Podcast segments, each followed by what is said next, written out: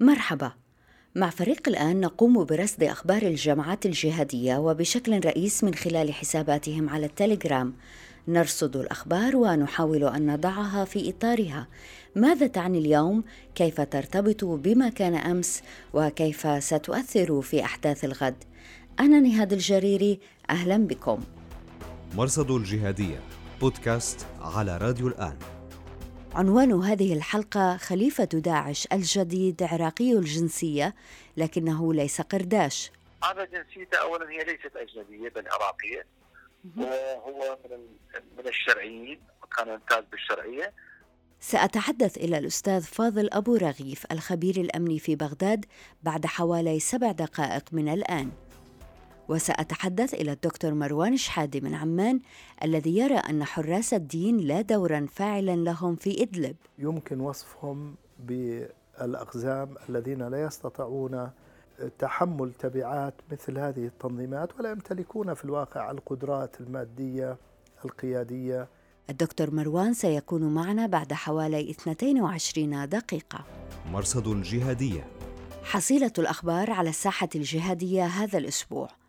نبدأ من خبر قتل قاسم سليماني يوم الجمعة 3 يناير 2020 سليماني هو الرجل الثاني في إيران بعد المرشد الأعلى خامنائي ويكتسب هذه القوة من كونه قائد فيلق القدس التابع للحرس الثوري الإيراني.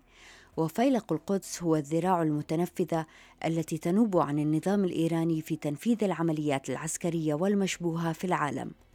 اجتمعت الحسابات المؤيدة لداعش والقاعدة والجولاني على ابتهاجها بقتل سليماني. عبد الله المحيسني وهو رجل دين مستقل انفصل عن الجولاني بعد خلاف معه خصص خطبة يوم الجمعة في إدلب لهذا الحدث وعنونها بدأ عام 2020 ببشرى عظيمة للأمة الإسلامية عامة ولأهل الشام خاصة إننا في المنبر الذي أقسمت أنت قبل سنة وأكثر أن تصل إليه بقواتك.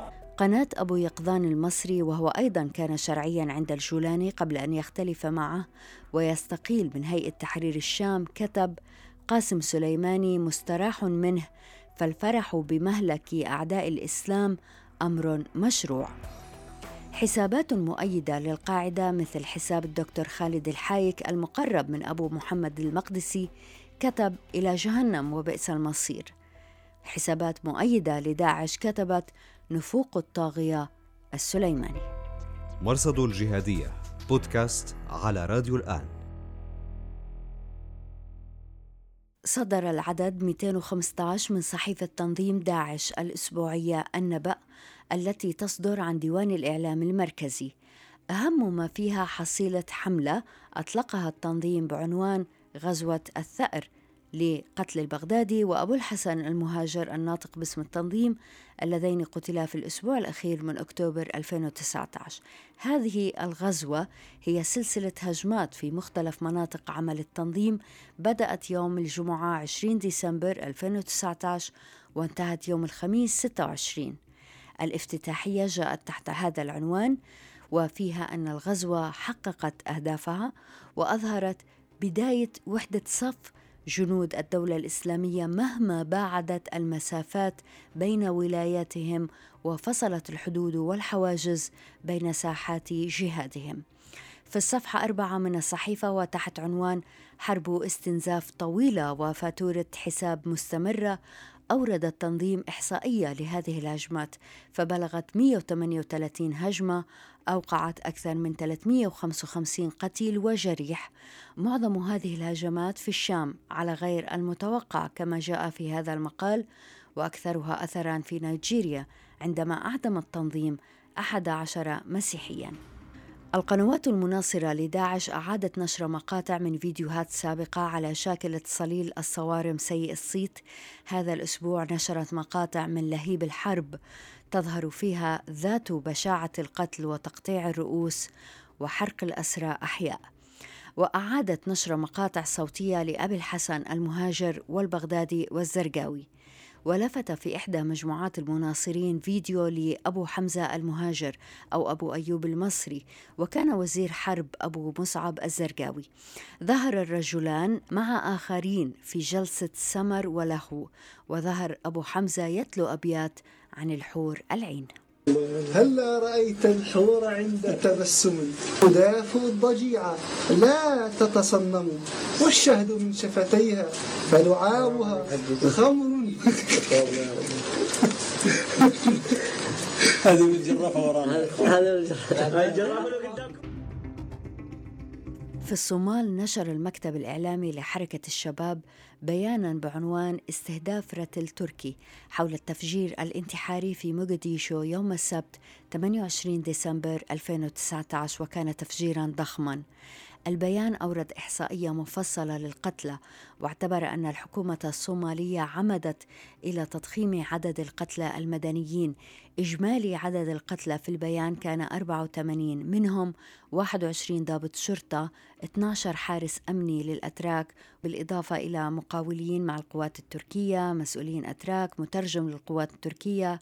ميليشيات الحكومة عملاء جهاز الاستخبارات الصومالي مسؤولون حكوميون و 23 من المسلمين أي المدنيين. وهنا اعتبر البيان أنه لم يكن مقصودا قتل هؤلاء ال 23 من المسلمين وقال إن سيارة تنقل ركابا دخلت في الطريق بشكل مفاجئ. وأضاف البيان أن الحركة توجه تعازيها للمسلمين المتضررين من العملية وتدعو المسلمين إلى الابتعاد عن القوات الغازية. مرصد الجهادية. هذا الأسبوع صدر الحكم في أبو العبد أشداء القيادي في هيئة تحرير الشام صاحب رسالة حتى لا تغرق السفينة التي اتهم فيها الجولاني وأمراءه بالفساد. حكم عليه بالسجن عامين. في تفاصيل نشرها حساب تصحيح المسار على التليجرام أنه عرض على أبو العبد أشداء الخروج من السجن مقابل الاعتذار للجولاني وعدم الظهور على الإعلام والإقامة الجبرية في المنزل مدة سنة ونصف. رفض أشداء ذلك فأصدر الجولاني قرارا بسجنه سنتين من تاريخ الاعتقال في سبتمبر الماضي.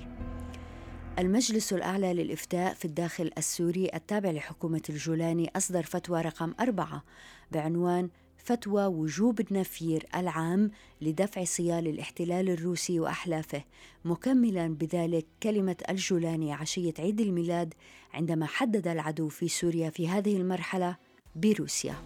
مرصد الجهادية بودكاست على راديو الآن.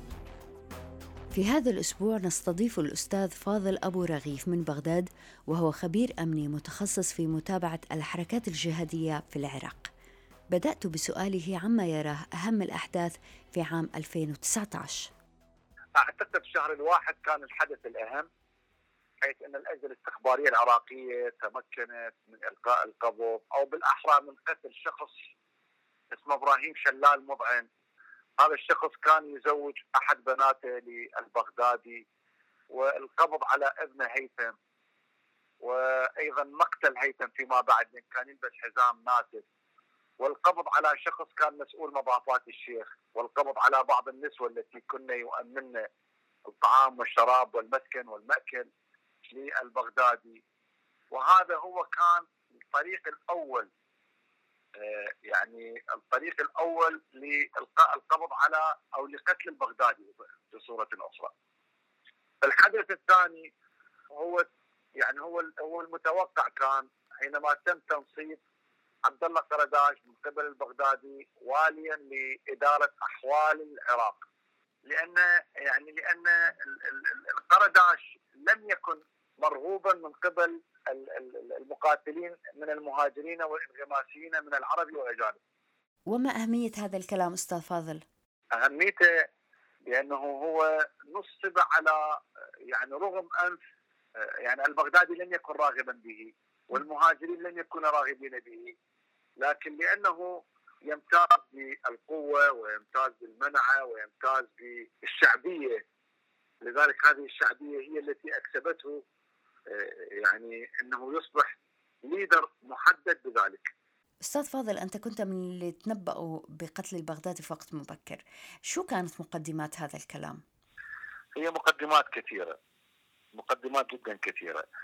يعني لو لاحظنا لو لاحظنا آه، أبو عمر البغدادي وأبو أيوب المصري وهما كانا مسؤولان تنظيمي القاعده خرجا بتسجيل فيديوي وبعد خروجهما بشهرين قتلا في منخفض الثرثار في 14 10 2010 وبعدهما تسلم آه، أبو مصعب الزرقاوي. وأيضا خرج بإصدار مقتضب وهو يقوم ببعض الوصلات الرمي في صحراء الأنبار غرب مدينه غرب مدينة بغداد. وأيضا بعد مرور أقل من شهر أقل من شهر تم قتله في مدينة هدهد شمال بغداد 60 كيلومتر في ديالة. وبعد ذلك خرج البغدادي والعولقي، العولقي قبله قد خرج في اليمن وخرج بإصدار وهو يتلو أحد الأناشيد وأيضا بأقل من شهر تم قتله. وبعد ذلك خرج لنا آه، يعني أسامة بن لادن وهو يعتبر رشاش وكان برفقته أحد قياديه يتكلم معه بطريقة ناعمة وأيضا بعد أقل من شهرين تم استهدافه. رأيت البغدادي إبراهيم عواد البدري وهو يخرج ومعه مجموعة من أتباعه وقياداته وكان خطابه طبعا أنا لدي خط يعني لدي تحليل لخطابه تحليل مطول كنت تنبأت لمقتله بفترة أقصاها لا تتجاوز الشهرين لجملة اعتبارات. اولا كان يغلب على خطابه أسلوب القنوط واليأس والخوف. ثالثا كان كأنما يخاطب الأحياء بلغة الاموات. لذلك يعني هذه الإمارات وهذه الدلائل هي التي كانت تشير وتشي بالوقت عينه إلى قرب نهاية البغداد إذا لم تكن متفاجئا أنه قتل هل تفاجأت أنه قتل في إدلب؟ مطلقا لم أكن متفاجئا وذلك بسبب المعطيات و يعني هناك معطيات ومؤشرات كانت كنت أتحفظ بها لنفسي. لذلك كنت دائما يعني لدي أحد اللقاءات في أحد القنوات. قلت إن البغدادي لن يتجاوز 60 يوما. المحاور سألني وهل أنت تعمل بالباراسيكولوجي؟ قلت له بل علم من ذي علم. وسكت ولم يمضي أكثر من 37 يوم. على كلامي حتى قتل إيه. وعادت القناة نفسها اجرت مع اللقاء. نعم أستاذ فاضل لكن هل فاجأك إنه قتل في إدلب ولم يقتل في الأنبار مثلا؟ لا في الأنبار لا يمكن أن يقتل فيها لأنه اولا لا توجد دولة تمكين له. في إدلب المنطقة يعني هناك منطقة محصورة به هي هي يعني تعود لأتباعه يعني منطقة مؤيدة وكانت تشهد تناحر وتقلبات بين جبهة النصره وبين جبهة الخرساني وبين جبهة التوحيد والجهاد وبين جبهة داعش. لكن جبهة داعش كانت هي الجبهة الأقوى والأبلغ في ذلك. أستاذ فاضل الإعلان عن اسم الخليفة الجديد أبو إبراهيم الهاشمي القرشي. أنت لك وجهة نظر فريدة في هذا الموضوع حكينا فيها سوا في وقت سابق. من هو هذا الرجل؟ يعني أولا آه، يعني هو آه، رأى, رأى التنظيم. يعني هناك بالتنظيم ما يسمى آه، باللجنة المفوضة. واللجنة المفوضة يعني هي هي استحدثت حديثا لغرض مهمتها هي تنصيب الولاة وأمراء القواطع وبالفعل هذه كان مسؤول عليها شخص يسمى الشيخ الدكتور إسماعيل الهيثاوي وهذا كان يعتبر ثقة الخليفة المقتول أبي بكر البغدادي. وهذه هي كانت المعنية بتعيين هؤلاء الولاة. وأمراء القواطع. لذلك أعتقد أنه من المبكر بمكان أن يتم الحكم على انه هذا من من هي جنسيته. هذا جنسيته اولا هي ليست أجنبية بل عراقية. وهو من من الشرعيين وكان يمتاز بالشرعية، البعض قال إنه حج معتز آه، أمني عام الخلافة، البعض قال إنه عبد الله قرداش وأنا أستبعد أن يكون عبد الله قرداش لأنه لا يحظى بمقبولية المهاجرين من المقاتلين العربي والاجانب. يعني إنه الرجل موجود حقيقة لأنه نحن بنتبع خيط إنه هذا آه، اسم لشخصية وهمية إنه هذا رجل غير موجود. لا هو اولا التنظيم يعتمد أسلوب الكنى والألقاب لكنه لا يعتمد أسلوب الأشباح بمعنى أنه لا يريد أن يكذب على أتباعه ومريديه. التنظيم يعتمد المسحة البلاغية والأسلوب النقدي بطريقة آه، يعني تتابعية. لذلك لا أعتقد أنه يتبع أسلوب الإيهام والتكذيب حتى على نحو الإشاعة. أستاذ فاضل من متابعتك لخفايا هذا التنظيم شو رح تكون أولويات هذا الرجل في هاي المرحلة من حياة التنظيم؟ يعني أولى أولى أولوياته هي إعادة تنظيم آه، صفوف آه، التنظيم. ثانيا محاولة استقطاب أكثر عدد من المقاتلين العرب والأجانب سيما في غرب أفريقيا وفي أوروبا الشرقية كذلك. لأن أوروبا الشرقية تكاد تكون تشهر تشهد الخاصرة الرخوة الأكثر في الغرب. فضلا عن ذلك آه، يعني أعتقد أنه الحقبة الأهم أو الفترة الأهم هي إعادة التمويل والدعم له. بيت أن التنظيم الآن يمر بمرحلة خطرة جدا وهي مرحلة الفقر والإفلاس آه، في تمويله. لذلك هو يحتاج إلى التمويل لغرض آه، تغطية ما يسميه بالكفالات أي الرواتب. حضرتك ذكرت المهاجرين وذكرت إنه القرداش لم يحظى بإجماع أو مباركة من المهاجرين، اذا كيف ستكون العلاقة بينه وبين الخليفة الجديد؟ يعني اولا عبد الله قرداش يعني هو هو الابن الوحيد لوالده كان والده شيخا يدرس في جامع الفرقان وكان خطيبا مفوها. هو تأثر بوالده إلى حد كبير وأصبح شرعي عام آه، القاعدة. وبعد ذلك استقطبه أبو عبد الرحمن بيلاوي وزير الحرب وقدمه للبغدادي الذي أصبح فيما بعد بعد أن كان مسؤول مسؤول التنسيق الولايات أصبح الخليفة على الولايات. لذلك أعتقد أن القرداش يمتاز بالقسوة والمنعة ويمتاز أيضا بمعرفته الطائله والواسعة في الفقه والشريعة والمنطق والفلسفة. وهذا ما أهله لأن يمتلك ناصيه شرعية في الفتيا. ويحظى رضا ومقبولية القراتشه وهم قوميتهم إلى التركمان أي الأتراك ولديه أتباع يناهزون أكثر من 6000 في تركيا في غازي عنتاب الرحبانيه وأعتقد إنه لا يحظى بمقبولية المهاجرين من العرب والأجانب لأنهم يرون فيه الانطوائية والنرجسية التي يعيبونه عليها. اذا هل تتوقع وقوع خلافات أو انشقاقات داخل التنظيم؟ يعني الخلافات داخل التنظيم بين بين المهاجرين والمحليين نعم. لكن بين المهاجرين العرب والأجانب لا. هناك بالعكس هناك ترابط قوي. لكن هناك تفكك ما بين العربي والأجانب من جهة والمقاتلين المحليين من جهة أخرى. أستاذ فاضل ذكرت إنه التنظيم يواجه ضائقة مالية، هل بتعتقد إنه هذا سيزيد من شراسة التنظيم أم إنه رح يحد من قدرته على العوده باي شكل من الاشكال؟ التنظيم لا يستطيع ان يعود كسالف عهده باعتبار ان دوله التمكين قد انتهت وتلاشت. لكنه قد يعود إلى سالف عمله فيما يتعلق بالاستراتيجيات الاربعه التفخيخ والانتحار والم...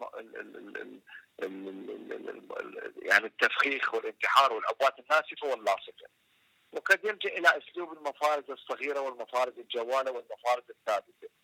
وكل هذا من أجل إعادة آه، آه، يعني الإشارة إلى الإعلام العالمي وإلى أتباعه خصوصا بأنه موجود وبأنه يستطيع أن يقوم بأفعال حتى يحاول أن يعيد الثقه لأتباعه الذين آه، يعني تشظوا و يعني تشرذموا في باقي الاقصاء وباقي الأمصار التي يعني نتيجة انتهاء دولة التمكين بقوا بأماكن خاصة بهم لغرض إيجاد يعني بدائل لهم ريثما يتم تقوية التنظيم من جديد. أستاذ فاضل أبو رغيف الخبير الأمني من بغداد شكرا جزيلا لوجودك معنا. مرصد الجهادية بودكاست على راديو الآن.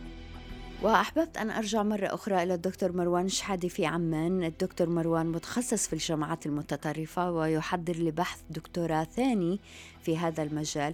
أحببت أن أسأله عن حراس الدين والقيادات الأردنية تحديدا وعلاقتهم مع الجولاني في إدلب لكن بدأت بسؤاله عن توقعاته لل 2020 آه، في الواقع في 2020 هناك عدة محاور يعني في الوقت اللي تنظيم الدولة الإسلامية يضعف في العراق وفي سوريا إلا أنه في الواقع يتنامى في إفريقيا. وربما تكون عام 2020 هي آه، صعود ملحوظ لتنظيم الدولة الإسلامية في البلدان اللي التي يمكن وصفها بال أو المرشحة آه، لأن تكون دول فاشلة. كما هو معروف أفريقيا دول فقيرة ضعيفة ومساحات شاسعة تغلب عليها الجغرافيا الصحراوية فبالتالي يصعب السيطرة وضبط الرقابة الأمنية على تحركات مثل هذه الجماعات. فأنا بتوقع تنامي نشاطات التنظيمات والجماعات المسلحة في أفريقيا بشكل كبير في عام 2020 في 2019 كان في استهداف واضح لحراس الدين بإدلب خاصة القيادات الأردنية كيف بتشوف هاي المسألة؟ يعني أنا أعتقد أنه القيادات الأردنية شكلت عامل آه، فوضى وتصدع سواء آه، لجبهة تحرير هيئة تحرير الشام أو لتنظيم القاعدة بذاته لأنه كانوا هم مصرين على عودة اندماج هيئة تحرير الشام في تنظيم القاعدة المركزي. رغم آه، أن تنظيم القاعدة المركزي تراجع كثيرا يعني من ناحية الفاعلية من ناحية القدرات على تنفيذ هجمات وعمليات عسكرية.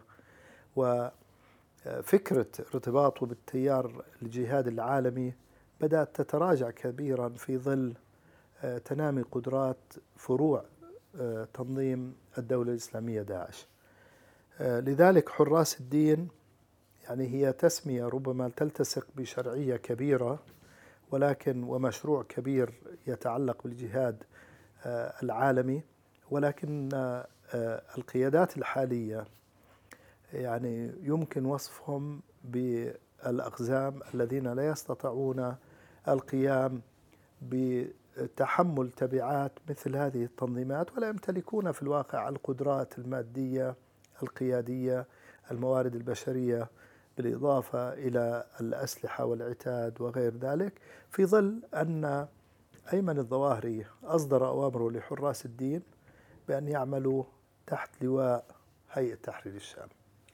أيوة دكتور مروان نحن بنحب نستوضح عن هاي النقطة لأنه اللي بنعرفه أنه لما أعلن الجولاني عن فك الارتباط وإعادة تسمية جبهة النصرة لجبهة فتح الشام الظواهري لم يعترض. لكن تبين لاحقا في خطاب للظواهري بأواخر 2017 أنه كان في بيعة سرية لكن الجولاني تمادى وتراجع عنها. كيف بنفهم هاي المسألة إذن؟ يعني أنا باعتقادي الجولاني شخص يستطيع أن يلعب على عدة جبهات في آن واحد. وهو كان يحاول أن تبقى شعرة معاوية ما بينه وما بين تنظيم القاعدة المركزي. في ظل أن الشرعية الحقيقية لما يسمى بالتيار الجهادي كانت لتنظيم القاعدة وامتداداته. فإذا كان الجولاني يريد أن يحصل على شرعية لابد أن يحافظ على تلك الشعرة ما بينه وما بين القاعدة. آه، هذا من ناحية. من ناحية ثانية هناك ضغوط سواء على المستوى المحلي أو الإقليمي أو الدولي ضد هيئة تحرير الشام في العلاقة الاشتباكية ما بينها وبين تنظيم القاعدة. لذلك خرج الجولاني في عدة إصدارات مرئية وصوتية وفك الارتباط مع تنظيم القاعدة. إذا رسمي يعني هو فاك الارتباط ولكن آه، بيعة سرية لا يوجد بيعة سرية. أصلا لا يجوز. البيعة السرية في أيديولوجيا الجماعات المسلحة لا تجوز. يجب أن يعلن موقفه بشكل واضح وصريح أنه يعمل ضمن هذه الجماعة. هذا من ناحية. من ناحية ثالثة آه، التطورات يعني هذا في عام 2017 نحن على مشارف عام 2020 أي مضى تقريبا سنتين على ما تفضلت به. آه، أظن في آه، الصيف ليس الفات في في 2018 أي بعد عام من هذه المحادثات والسجالات الطويلة التي وقعت ما بين الجولاني وبعض قيادات ما يعرف باسم حراس الدين وبخاصة الأردنيين. آه، تم اعتقال بعض القيادات مثل سامي العريدي وأبو جليبيب وغيرهم أيضا. وتم فتح قنوات اتصال وحوارات أفضت طبعا بالوصول إلى اتفاق أن تقوم حراس الدين بالعمل تحت مظلة وقيادة أبو محمد الجولاني ووقف التراشق الإعلامي بالكامل. وأيمن الظواهري بارك هذه الخطوة. فبالتالي آه، الجبهة في في سوريا وفي مناطق كثيرة تسير بشكل فيها الأحداث بشكل مضطرد وتطورات سريعة. ربما يكون اليوم هناك اتفاق بين طرف وطرف آخر ثاني يوم يكون هناك اشتباك. فبالتالي هناك تغيرات آه، تشهدها على المستوى الأمني والعسكري تلك الساحة. وكذلك على مستوى التحالفات. آه، خلاصة القول أن حراس الدين هم أشخاص معدودين محدودي القدرة والفاعلية. آه، لأنه التنظيم المركزي لتنظيم القاعدة أصبح تنظيم يتمثل بشخص أيمن الظواهري معظم القيادات إما معتقل أو مقتول أو مأسور. فبالتالي لا يمتلكون لا قدرات مالية ولا بشرية ولا حتى إعلامية. يعني ربما آه، تم يعني القضاء على هذه الفاعلية بفعل تنامي قدرات تنظيمات أخرى وعلى رأسها داعش وهيئة تحرير الشام وجماعة آه، نصرة الإسلام والمسلمين في أفريقيا. دكتور مروان شحادي المتخصص في الجماعات المتطرفة شكرا جزيلا دكتور. وشكرا جزيلا لوجودكم معنا في راديو وتلفزيون الآن. أنا نهاد الجريري. مع السلامة. مرصد الجهادية بودكاست على راديو الآن.